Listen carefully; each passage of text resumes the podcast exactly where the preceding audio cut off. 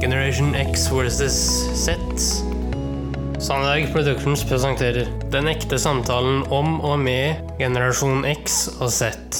Hold deg fast og nyt. Hei, hei, kjære lytter, og hjertelig velkommen til eh, dagens episode av Generation X versus Z. Og i dag eh, så er vi der, altså. 4. desember 2021, og det betyr uh, luke 4 av 24 i uh, Generation X versus Z julekalender for 2021. Når du setter på play nå, kan jeg få lov til å gi uttrykk for eh, din ønskeliste eh, som gaver? Nei. Da tar vi det ved neste anledning. Nei, Jeg tror vel ikke det blir noen neste anledning for det, eller noen anledning for det i det hele tatt. Ok. Kjør på, kjære sønn. Thank you.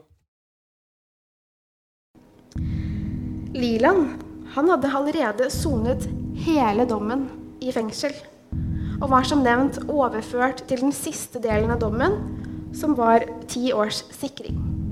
Han, hadde so han sonet hele den dommen også. Hvert minutt av sikringen.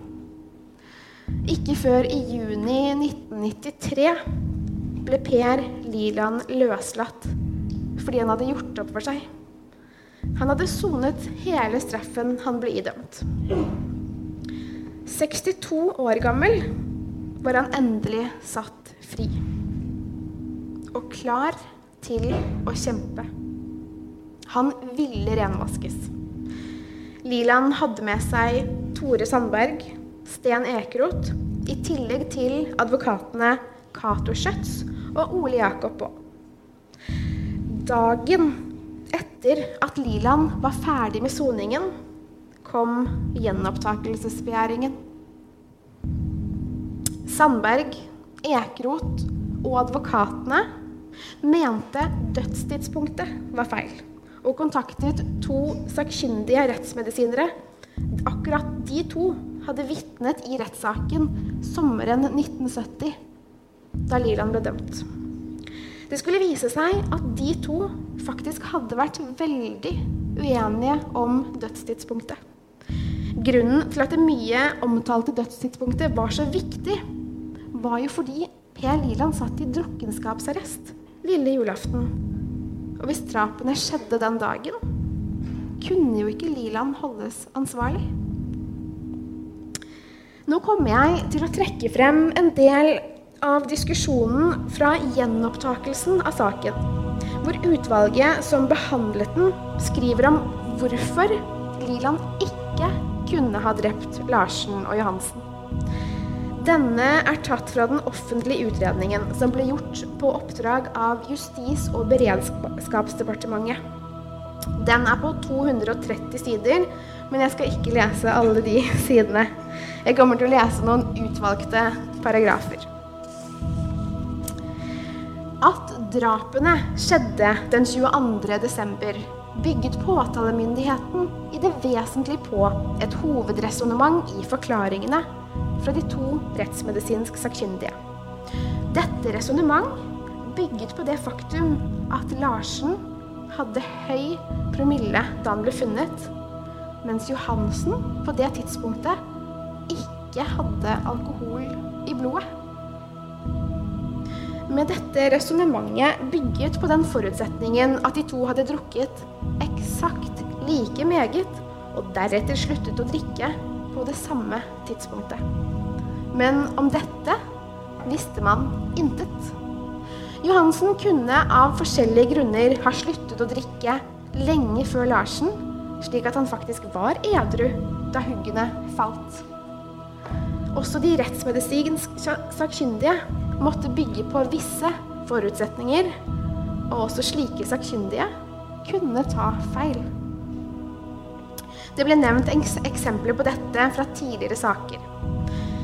Den beregning som statsadvokaten hadde gjort med utgangspunkt i en form for cellevekst i Johansens hode, viste vel bare at Johansen ikke døde den 22. desember, men langt senere.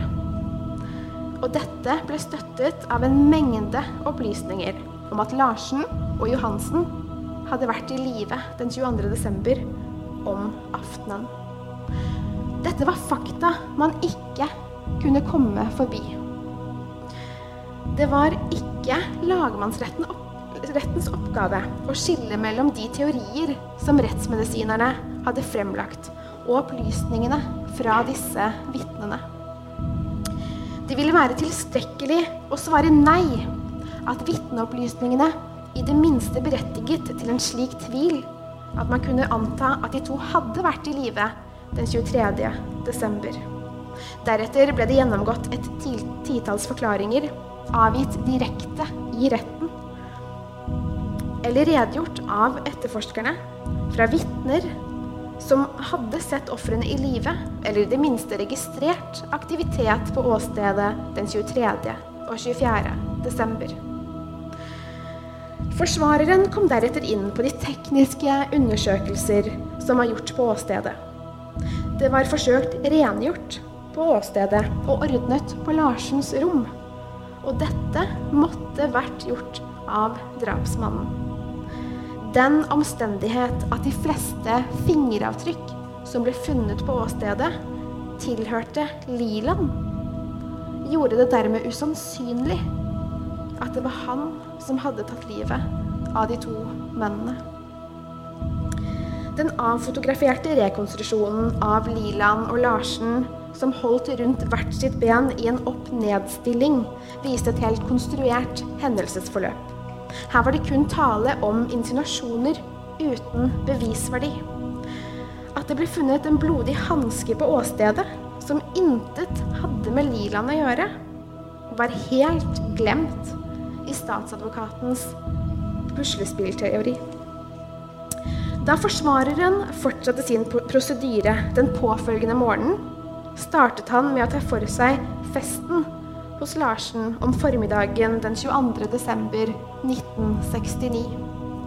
Det eneste av vitnene som hadde vært edru i dette drikkelaget, hadde forklart at det ikke hadde vært uoverensstemmelser mellom Larsen og Liland, og at Liland alltid hadde vært snill mot Larsen. Deretter ble det fremhevet i det utrolige i at Liland skulle ha tatt livet av to mennesker, og deretter åpnet døren i Glemmengata 73 da Willy banket på om kvelden den 22. desember. Hvorfor ta en slik risiko for å bli oppdaget? Hvorfor ikke holde seg i ro, slik at Willy forlot stedet? Og deretter, hvis det var mørkt inne hos Larsen, slik Willy hadde gitt uttrykk for, Hvorledes kunne Liland da ha beveget seg der inne uten å få blodflekker på kappen, eller i det minste blod under skoene? Og hvorfor ble ikke naboene alarmert, i det minste, av ett av de to ofrene, hvis ugjerningen hadde skjedd på dagtid? Forsvareren fremhevet så at Larsens rom i Glemmengata 73 var et sted hvor både kjente og ukjente mennesker kunne komme inn til alle døgnets tider. Og det var ikke bare Guds beste barn som kom og gikk i dette alkoholikernes paradis. Larsen var så vidt labil at han kunne tenkes å ha avvist besøkende i meget harde ordelag. Og dette kunne ha utløst en situasjon som ledet til øksehuggene. Avslutningsvis ble det fremhevet at det ikke var noe som bandt Liland til drapene. At han derfor måtte frifinnes. Han hadde sittet i fengsel i nesten 25 år. Den 21. november 1994 ble Per Liland frikjent. Han fikk også tilkjent til sammen 13,7 millioner kroner i erstatning og oppreising. Men den 19. desember 1996, to år etter frifinnelsen, dør Per Liland av leversykdom. Etter de brutale øksemordene i Lille Helvete har faktisk en øksemorder gått fri her i Fredrikstad. Blant dere. Kanskje morderen lever i dag. Kanskje du så han på butikken. Kanskje han gikk forbi deg på gaten. Ja. Sterk avslutning. Ja da. Eh, har du noen kommentarer?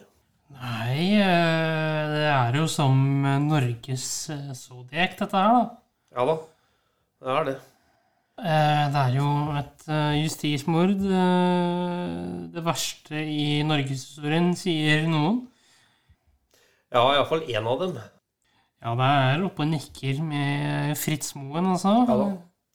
Eh, nå har vi da i fire episoder hatt eh, Krim-Henrik. I morgen så er det 5. desember. Riktig. Og hva har du på pakketet? Ja, nei, altså jo, Vi må jo ha litt om alderen, tenker jeg. Så eh, da kommer det noen eh, episoder eh, om advent. Og det blir både litt humor og eh, litt alvor i, i også litt i adventstiden. Gleder meg veldig. Tusen takk, og på gjensyn, kjære sønn. På gjensyn.